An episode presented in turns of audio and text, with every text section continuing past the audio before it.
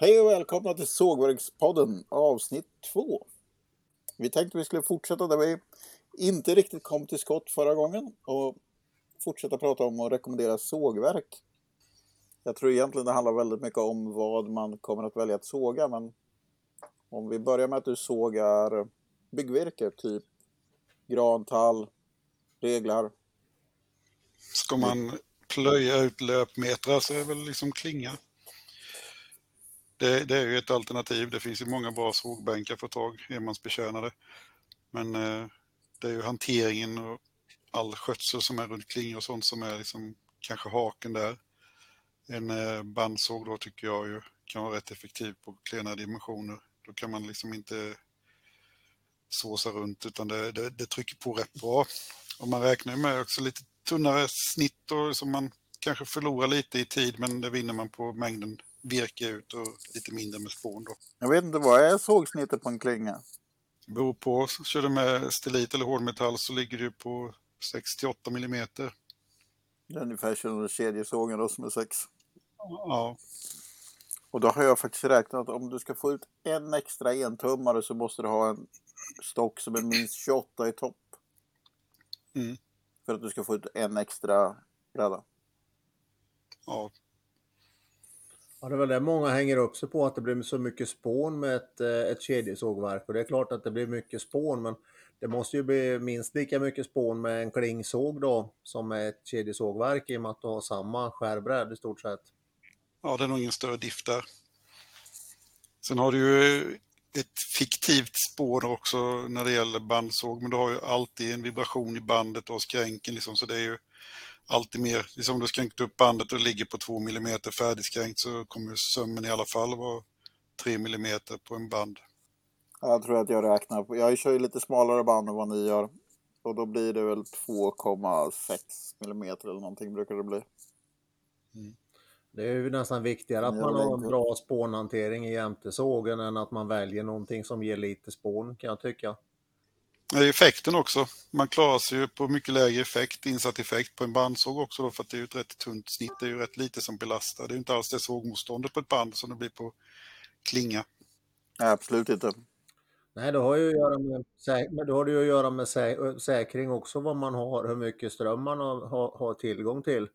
Men eh, om vi ska gå tillbaka till grundfrågan där för att såga byggvirke, det, det skulle jag väl inte göra på en kedjesågverk egentligen. Jag ju, gillar ju kedjesågverken och har sågat mycket kedjesåg. Men ska jag ställa mig och plöja 2 tum 8 och 2 tum 6 eller en tums brädfodring så skulle jag ju knappast göra det på en, på en kedjesåg. Då är det ju, då skulle jag ju garantera, då skulle jag välja bandsåg alla dagar i veckan. Ja, det skulle jag faktiskt jag också. Och speciellt om man ska måla med slamfärg till exempel på panelen. För kedjesågen blir nästan för fin för att slamfärgen ska fastna bra.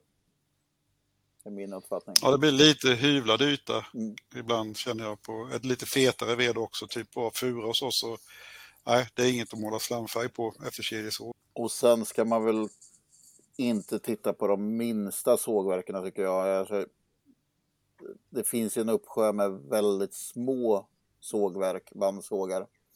Och de, de sågar ju bra, men problemet med dem är att du har jättekorta band. Så du får väldigt få tänder på ett band. Och jag märker direkt när jag kör på min lilla bandsåg att det blir slött väldigt fort på bandet. Om jag jämför med att man går upp lite i storlek och du får kanske 20-30% fler tänder som ska göra samma skärjobb på bandet.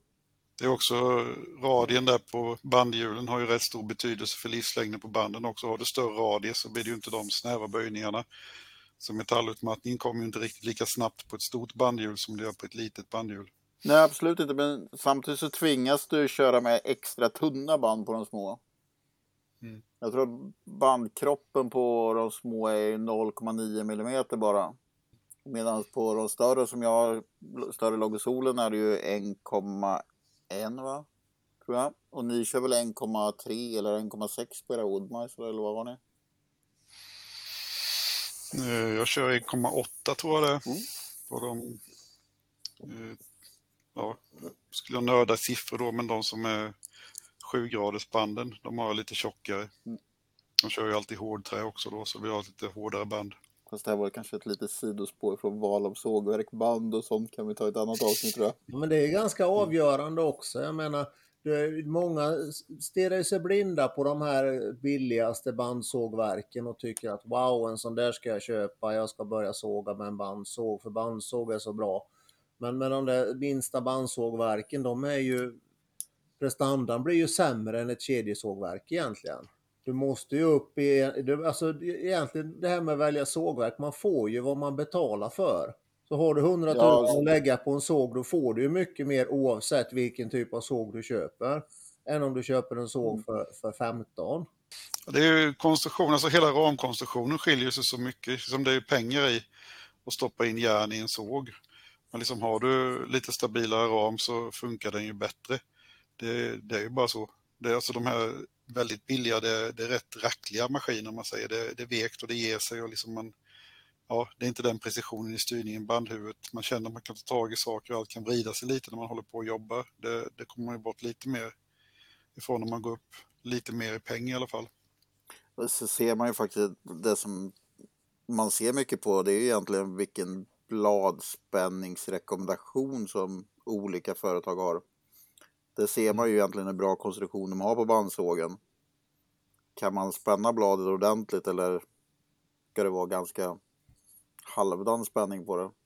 För det är ju något som du kan ju knappt spänna ett blad för hårt egentligen. Mer än, alltså det blir för hårt för bandsågen, den klarar inte av den spänningen. Så det verkar ju väl på konstruktionen. Ja, man kommer dit här att hur mycket man än skruvar på bandskruven så händer det ingenting för man har knäckt ramen. Typ. Det blir bara smalare och smalare öppning på sågen. Ja. Ja, men då är vi överens om att egentligen ska man såga mycket byggvirke så är det ju bandsåg som gäller. Och man får lite där man betalar för i kvalitet. Vi, vi kan ju inte gå in på märken och så här, vi, vi har lite olika erfarenheter av olika märken och så här, men, men egentligen så är det väl konkret vad vi säger. Eh, om man däremot ska såga timmer, blocka timmer till exempel, vad tycker vi om det? Vi har ju våran blockningsexpert Marcus. Ja, men då, då tycker jag faktiskt kedjesågen är eh, fantastisk till att blocka med. Det är, det är alltså, då är det ju extra viktigt att man har en bra logistik runt sågen. Det är ju det, är ju det viktigaste, att man kan få bort timmerblocken på ett enkelt sätt. Men det, runt sågen skulle vi prata en annan dag. Men just för att plocka ut snabba snitt och såga raka block och på ett enkelt sätt kunna förlänga sågen. Man kan gå till grannen och låna hans eh, sågbänk om man använder sig av Logosol. Eh, Bamse har väl en lite krångligare konstruktion. Eh, Jonsered och de här som har en markliggande skena är väl, eh, ja, de är också ganska enkla att förlänga. Man förlänger med rälsen bara. Så att eh, vill man kunna variera och få en, en billig såg och kunna såga långt, då ska jag ju välja en kedjesåg. Och även för, för vanlig blocksågning. Jag tycker det är så sjukt lätt att få såga ett block med kärnan i mitten när man sågar på en kedjesåg, typ Logosol. Ska man såga block, det gör det, då är inte liksom såghastigheten så jätteviktig för det blir inte så många snitt. Utan det är ju snarare postning, ställa upp stocken för första snittet som där man sparar tid. Och det tycker jag faktiskt. Där blir jag ju lite nyfiken. Om jag får hoppa in där, liksom vad, vad är det som gör att det är så mycket lättare att komma i centrum på en eh, kedjesåg? Det finns Det vill jag veta. Ja, ja absolut. Nej, men alltså, det går ju på en bandsåg också, men så som toppstyrningen är gjord och du ser ditt snitt, det ser du egentligen från skärande ände. Och då får du ju gå runt med någon mäta, vad heter det, kärnan på andra sidan. Och så kan du höja toppstyrningen och då kommer ju andra änden gå ner lite beroende på vilken stock, hur långt ut på stockhyllan den ligger. Så kommer den ju sjunka olika när du höjer i smala änden så kommer ju roten sjunka. Och det blir lite mycket gå fram och tillbaka om man nu ska ha den väldigt centrerad och väldigt noga. Medan sen till exempel en solosåg, där använder du en postningsmall som du kör in och så lägger upp på balken så ser du direkt när den är i våg i bägge ändarna. Okej. Okay. Jag förutsätter att att man har en, en bra postningsmall då, så man sätter en spik i märgen på varje ände. Och sen är det som en bom man lägger upp på balken som man vevar upp i varje ände. Ja, ställa in ett snitt liksom för att tjäna mitten på kedjesågen. Det tar ju inte mer än 20 sekunder. Det är ungefär så lång tid som det tar att gå från en sida till sågen till andra sidan. Och det går ju på bandsågen va, men det är, det är lite mer meck med att mäta. I min erfarenhet i alla fall. Jag tycker det är lättare, det är lättare än om man ska ha nybörjare som aldrig har sågat tidigare. Då behöver man bara ge dem den här mallen, de sätter fast eh, spiken i, i kärnan och så vevar de upp tills den är rätt.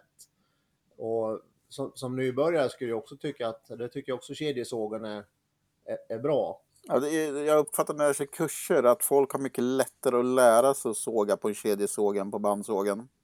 Det blir så sjukt logiskt liksom när man höjer bägge ändarna på stocken. Men sen är det ju inte så jävla svårt att lära sig att såga bandsåg heller i, till samma nivå. Men... Men hur lägger ni stockarna när ni sågar på kedjesåg? Ni, ni börjar såga i toppänden eller?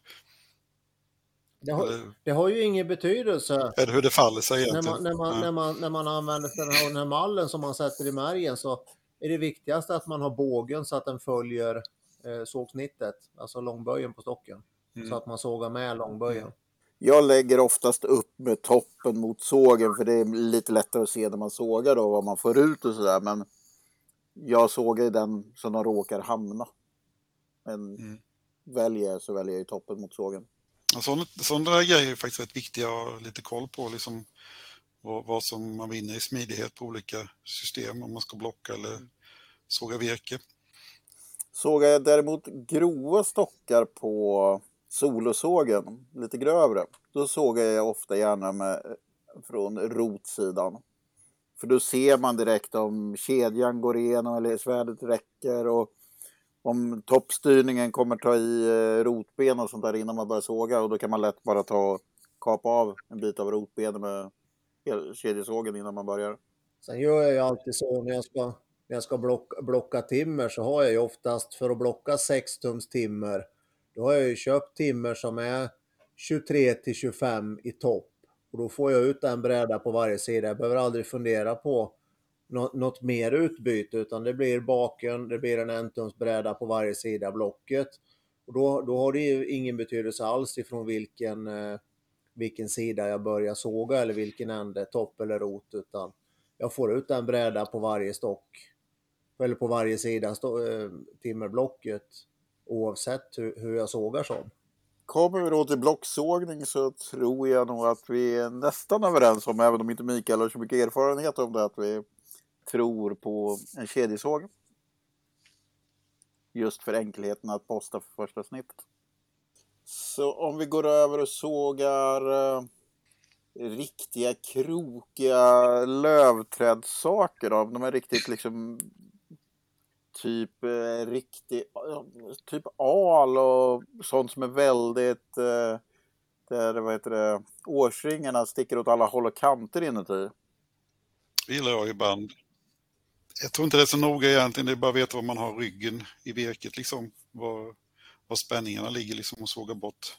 Så man får stocken rätt när sedan man börjar skiva upp den när man på tredje skäret liksom. Mm. Jag sågar ju väldigt mycket löv och särskilt al kanske då är det lövet jag sågar mest efter ek. Mm.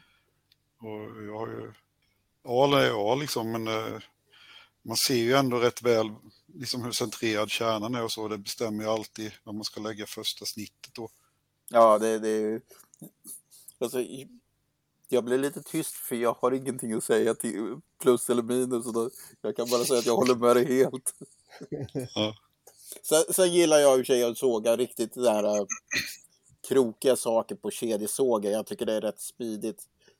Om man inte har en jätte, jättestabil bandsåg liksom, så är ju kedjesågen oavsett hur ådringen i träet går så sågar den spikrakt liksom. Det kan ju vara sådana fiberstörningar om det är riktiga kvistar och så. så liksom, det kan ju verkligen greppa tag i bandet. Mm. Och det kan liksom följa fibrerna en stund innan det av mekaniska skäl måste gå tillbaka då.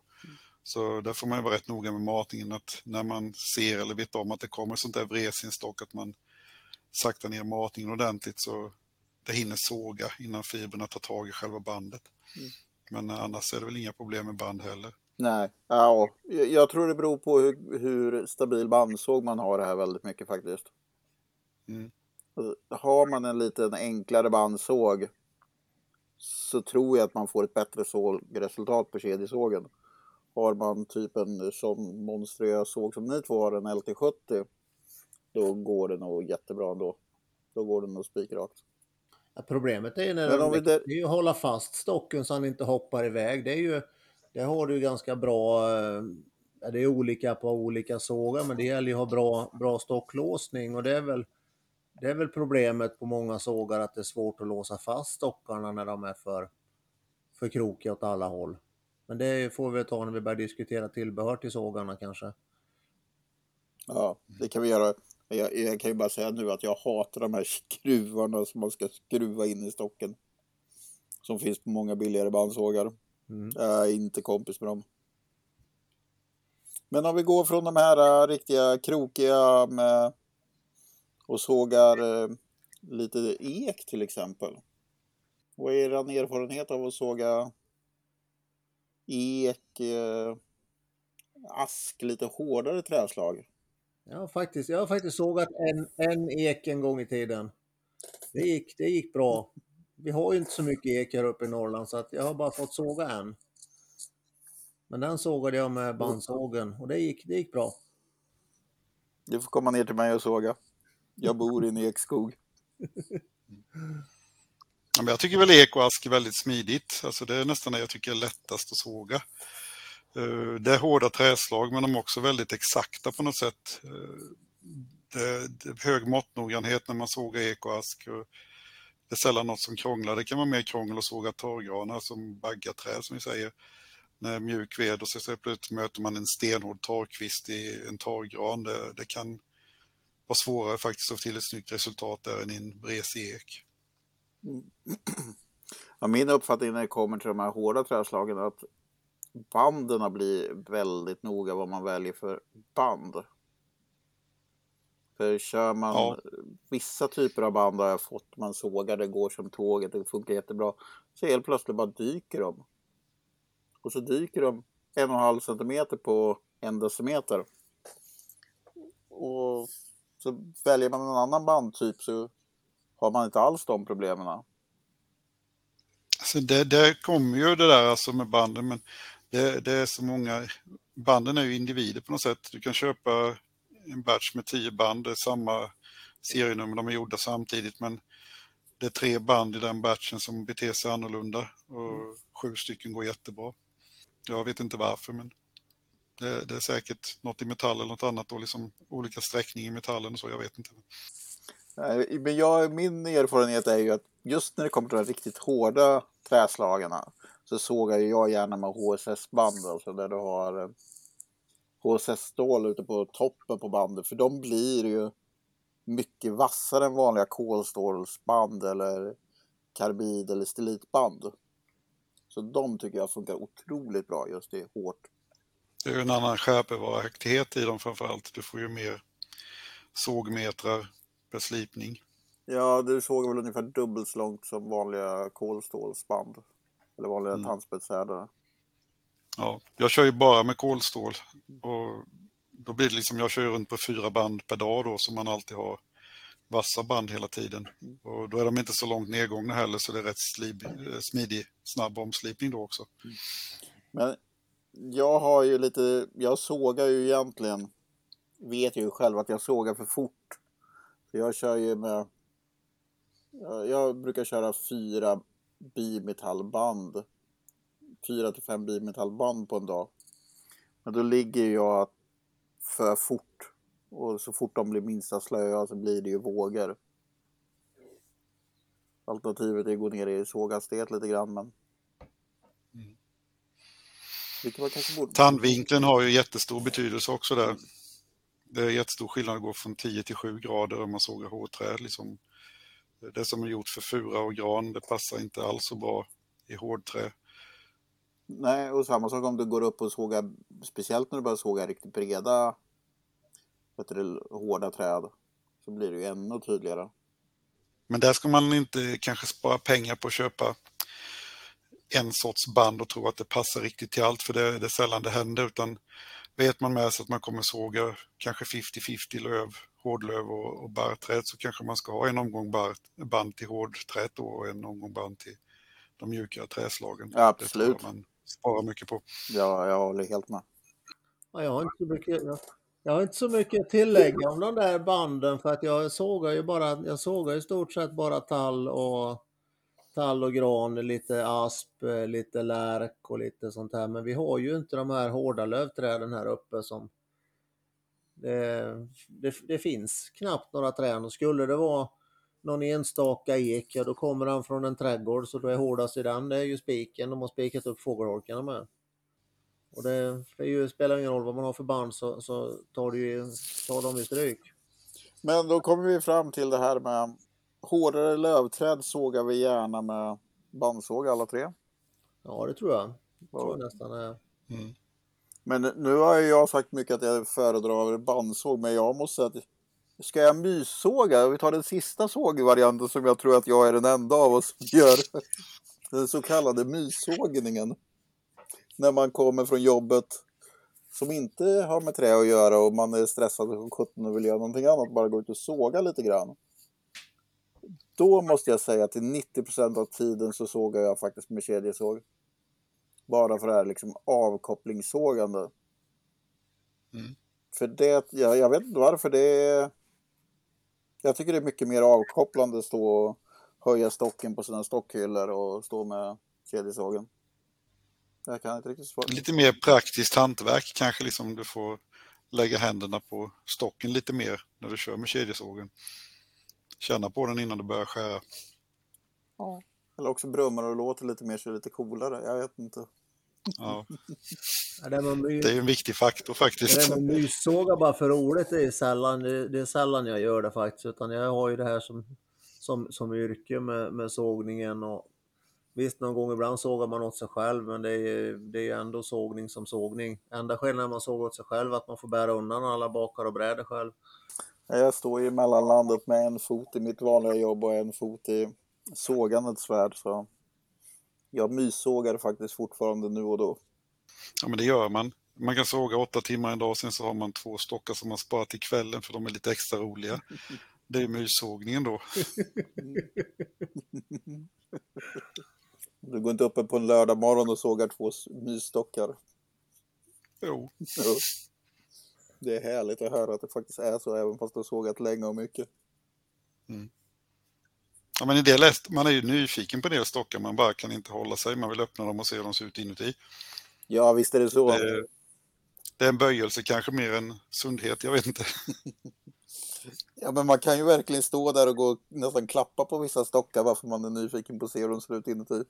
Och speciellt sådana här lite löv som nästan ser lite halvruttna ut på utsidan. Ja, de är spännande. För det kan ju verkligen vara Nähä, det var ingenting. Eller också kan det vara hur vackert som helst. Mm. För det är ju några gånger som man blir rätt besviken. Man tror man har guldkornet ligger på gården. Så när man öppnar så bara Jaha, det var inte så mycket att se den. Nej. Jag hade en eh, äkta kastanj som det var 30 centimeter ved, sen så var det 2,5 meter långt hål och sen var det 30 centimeter ved igen ut i änden som såg helt okej ut i ändytorna. Då blir man besviken. Ni- Ja, det är en nitlott. Det är bara att fylla med epoxy. Nej, jag hade en, en här träklyka jag skulle såga var tre som gick iväg och det såg ut som det var jättemycket, vad heter det, eh, olika ådringar åt olika håll i den och sådär. Men så öppnade man den så var den bara plain, eh, vad heter det, ask liksom. Det var inget speciellt. Den var bara väldigt ljus. Det är ju snyggt med ljus ask. men Man har ju hoppats ändå att det skulle vara... För den såg ut nämligen som det var väldigt mörk kärna i änden men det fanns ingenting av det inuti. Då blir man bara, jaha, Lite själslig punka. typ. Men sen tycker jag också det är cool när vi pratar om det här med upplevelser. Jag tycker det är rätt cool när man sågar till, ja aske är en sån sak. När man har sågat och så lägger man bräden åt sidan i en 20 minuter eller någonting och 30 minuter. Första gången jag såg ask så bara, vad fan de är ju rosa. De blir ju jätterosa då direkt man har sågat dem. Ja, det är laxfärg på dem nästan, laxrosa. Mm. Och det, första gången jag såg ask så visste jag inte om det där. Så tänkte jag, vad fan vad händer med de här? Och så försvinner det efter när de börjar torka lite. Mm. Det är likadant i alen. Det är mycket färg av den här röda som är i alen. Det skulle man liksom vilja konservera på något sätt. Men eh, nej, den är, den är lite rödare än björk när den är torkad och färdig. Mm. Men alen kan ju där, alltså speciellt klibbal kan ju variera väldigt mycket i rödhet. Det är ju min uppfattning. Jag har ju några som har varit riktigt röda. Ja, det är väl hur mycket sav det är i dem egentligen. Det är ju snabb oxidering i syret. Liksom så är det ett fuktigt träd som, som är växtligt och innehåller mycket vätska. Då, liksom, då, då blir de väldigt röda. De äldre träden som har av lite, de blir inte alls så röda. Vad är favorit att såga då? Om... Ja, Marcus är ju nästan diskvalificerad där. Han har inte hittat favoriten än. Mikael, vad är ditt favoritträslag att såga då? Ja, ska man se till precisionen i sågningen så är det ju ask. Den är outstanding. Det, det händer inte mycket där liksom. Det blir rakt, fint, måttnoggrant. Det är sällan det är något som sticker i banden och sådär. Så det, asken kan jag ju såga, fast den är ett hårdträd, nästan i samma tempo som man sågar klädselbräda av gran. Ja, jag måste säga att det är alm. Jag tycker det är väldigt kul att såga alm.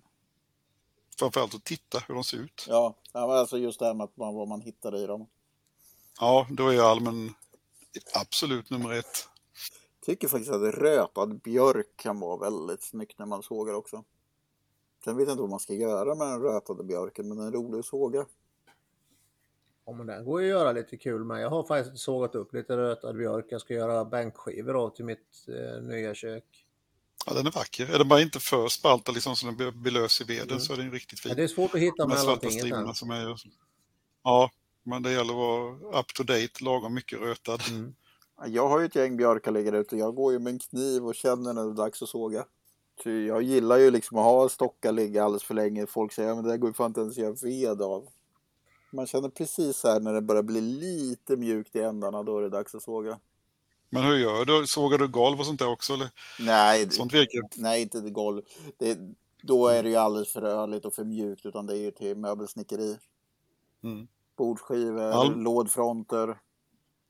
Ja. Almen brukar jag ju låta ligga kanske två år på välta just för att den jämnar ut sig i färgen då. Då har man ju inte den här kontrasten i splinten. Har man hugg- hugger färsk levande alm då så får den ligga i välta något år så är det ju jämnare färg i den så det blir ju större sågutbyte egentligen när man ska göra golv och Mm. möbelvirke och de slipper såga bort massa vit splint. Ja, men det, det kan ju också ge lite karaktär att du har en vit splint. Ja, men det, det är fler som vill köpa det som är enhetligt färgat än med en eh, kritvit splintkant. Jo, men det köper jag också. Eller, Köper du allt? Jag köper inte allt. Så är lite högstbjudande. Ja. Nej, men jag, jag förstår att folk väljer det, men... Hur, vad tycker du om att såga oxel då? Är det något ni gillar? Den är så olika, den kan vara så fruktansvärt hård ibland liksom så man, man vet inte, man kör på ett eh, 10 graders band som man har till mjukträ så kör man in en oxel och tänker det är inte så farligt men oxel och rönn det, det tycker jag är riktiga hårdträ alltså de är jag kan till och med få riktiga vibrationer i hela sågverket när jag sågar oxel och rönn. Ja, Rönn har jag inte sågat så mycket. Oxel har jag sågat en hel del. Och det är ju som du säger, det är ju stenhårt oftast. Fast det har jag nog faktiskt mest sågat på kedjesågen och då märker man ju inte liksom Nej, det på samma sätt. Mer än att det går Avenbok och blodbok är också sådana där som är lite mysko att såga för att de är så... Det är ett otroligt högt sågmotstånd i dem. Sågar ni något mycket lönn då? Det är sånt som sågas hela tiden. Jag har faktiskt ett par, ett par lönnar här uppe. De är, inte, de, är inte så, de är inte så vanliga eh, här uppe, men jag har ett par stycken på gården. Jag tänkte att de skulle få bli lite storlek på så man får, får såga lite. Absolut favorit, min favorit som möbelvirke eller så och kunna bearbeta, slutbearbeta, hyvla och putsa det är ju lönn. Den är ju outstanding. Det finns liksom inget trä som kan matcha den i färdig yta när man har slipat den och putsat upp den. Mm. Eh, Riktigt tät och fin, jättevackert, både som golv och som möbler. Då. Så säger jag Mycket vitare än tvärtom. björk. Jag tycker lönnen är ganska tråkig. Till möbelvirke. Det är precis som du säger, den är väldigt mycket ljusare än björk. Alltså det är ganska intetsägande. Men det går väl kontrasten. Jag gillar ju rötade saker. Då kanske det blir... Ja, lönen är ju oppositen där om man säger. Ja. Det, men det, det handlar ju mycket om yta liksom, för lönen har ju mycket häftiga strukturer. Vad har vi mer, Marcus? Vad har du för träslag då som du är förtjust i? Eh, ja, men alltså rent utseendemässigt så tycker jag väldigt mycket om sälj. Ni har väl inte så mycket stamsälj där nere. Vi har väl inte något jättemycket här heller, men det är ett lite kul träslag. Tyvärr så är det så fruktansvärt svårt att torka. Mm. För det vill ju vrida sig åt alla möjliga håll på en gång. Nu har jag inte, faktiskt inte provat att köra det i virkestorken. Det ska jag göra när jag kommer över lite sälj. Men eh, det, det tycker jag är ett väldigt vackert träslag. Det är lite, lite mjukt att hålla på med och slipa, men det blir stenhårt när man väl har fått, fått det färdigt. Så att det, det, är- det är lite coolt träslag på något sätt. Mm. Ja, jag kan inte säga, jag inte såg, jag bara såg några stockar och sälj. Och precis som du säger så det böjer sig ju något otroligt. Ja, ja, det kan sno sig 45 grader i- bara på en två meters bit när det, om det inte får torka i spänn. Men jag, när det kommer till sälj så har jag börjat såga väldigt tunt. Så man kan göra svepaskar till exempel. Det är många som vill ha sälj. Den är poppis. Japp. Säljen och aspen har ungefär samma egenskaper. Aspen kan ju vara rätt busig också när man håller på med den. Ja, jag har nästan slutat såga asp. Jag, vi kommer inte överens. Jag tycker det bara geggar och blir mög och slött. Och inget kul. Det finns så mycket roligare saker att såga än asp. Aspolut. Så vad har vi mer för roliga trädslag? Barrträd. Okej. Ja, det finns faktiskt lite roliga bara. Jag är ju ingen fantast av gran, men eh, däremot kan jag tycka Douglasgran och lärk är riktigt skoj. Jag skulle väl inte säga att det är kul att såga lärk, men, men det är ju ja, mycket vatten för att hålla geggan borta liksom. Ja, det, man får ju inte snåla på vattnet. Det är bara att ösa på på banden och sen går det fint. Men jag vet inte liksom hur vanligt det är, men jag är ju... Lärken är ju aller- allergen, eller spånet. Jag får ju jätteröda utslag på armarna när jag tar brädor och sånt jag får som är spån på. Jag vet inte riktigt hur vanligt det är. Jag har läst om att det är många som har fått det från lärk just. Så jag såg... Mm, Jag tror inte det är så allergent egentligen, utan det är jättesmå fibrer. Så det är som att hålla på med guldfiber ibland. Jag tror det är de här fibrerna som sätter sig i huden som gör att man får de här utslagen. Så, för man känner ju aldrig något av dammet eller så på Nej. lärk sågdammet. Det är ju inte ett, tycker inte jag, utan det är, kroppen reagerar, men det är när man hanterar plankorna och spån på sig. Mm. Det är man rätt noga med, heltäckande klädsel och handskar liksom när man håller på med lärk. Ja, jag sågar bara med långärmat numera för att det är alltid underarmarna som jag får bli helt rödflammiga om jag inte sågar långärmat. Men det blir lite guldfiberkänsla efteråt i huden. Ja, det kliar något så inåt. då. Ja. Däremot när man sågar tuja så den är ju ganska giftig egentligen. Så där, då, då kör man ju med andningsskydd och så när man kör den. Då. Ja, man borde göra det. Jag. Mm. Jag har inte sågat jättemycket tuja men det luktar ända upp till grannen när man sågar det i alla fall. Ja, det blir li- lite för mycket. Den är väldigt trevlig att ha i en bastu sen som panel och så. Då luktar det jättegott. Det är liksom aromterapi men just att bearbeta den det är ingen höjdare. Hela sågplatsen luktar ju som någon sån här påsar man hade förr man hängde in malpåsar i, Ja, I skåpen. Ja. ja, det funkar säkert mot mal. Ja, jag tror inte jag har en enda mal vid min sågplats längre i alla fall. Men det, är- det är trevligt trä annars. Ja, nej, det har jag faktiskt inte råkat på. Vad är det mer för spännande träd man... Lind, vad tycker ni om att såga lind då? Det är smör. Visst, Jag har smör. aldrig sågat någon lind, tror jag. Ja, jag vet inte, jag har haft otur när jag sågat lind. Alla lindar jag har sågat har det varit typ två miljoner spikar i. Jag vet inte varför. Extra populära att sätta fågelholkar i kanske. Har vi några mer saker som vi borde ta med? Runt val av sågverk. Nu har vi pratat lite trädslag också. Känner vi oss att vi har gett de rekommendationerna vi ville och vi kommer ju säkert komma tillbaka. Ja, men det tror jag nog. Vi är, vi är faktiskt slående överens kan jag tycka. Och det enda som vi inte var riktigt överens om det var ju när vi kom till krokiga och träslag. Då var det lite diff med kedjesåg eller bandsåg. Nu är det någon som har frusit igen så att nu är det bara du och jag. Ja, då var det ingen som sa emot mig i alla fall. Nej, Ja, men då kanske vi skulle ta och börja runda av. Vi lider av lite tekniska problem så det här avsnittet blev lite kortare än planerat. Men vi får tacka för oss och så syns vi om några dagar igen.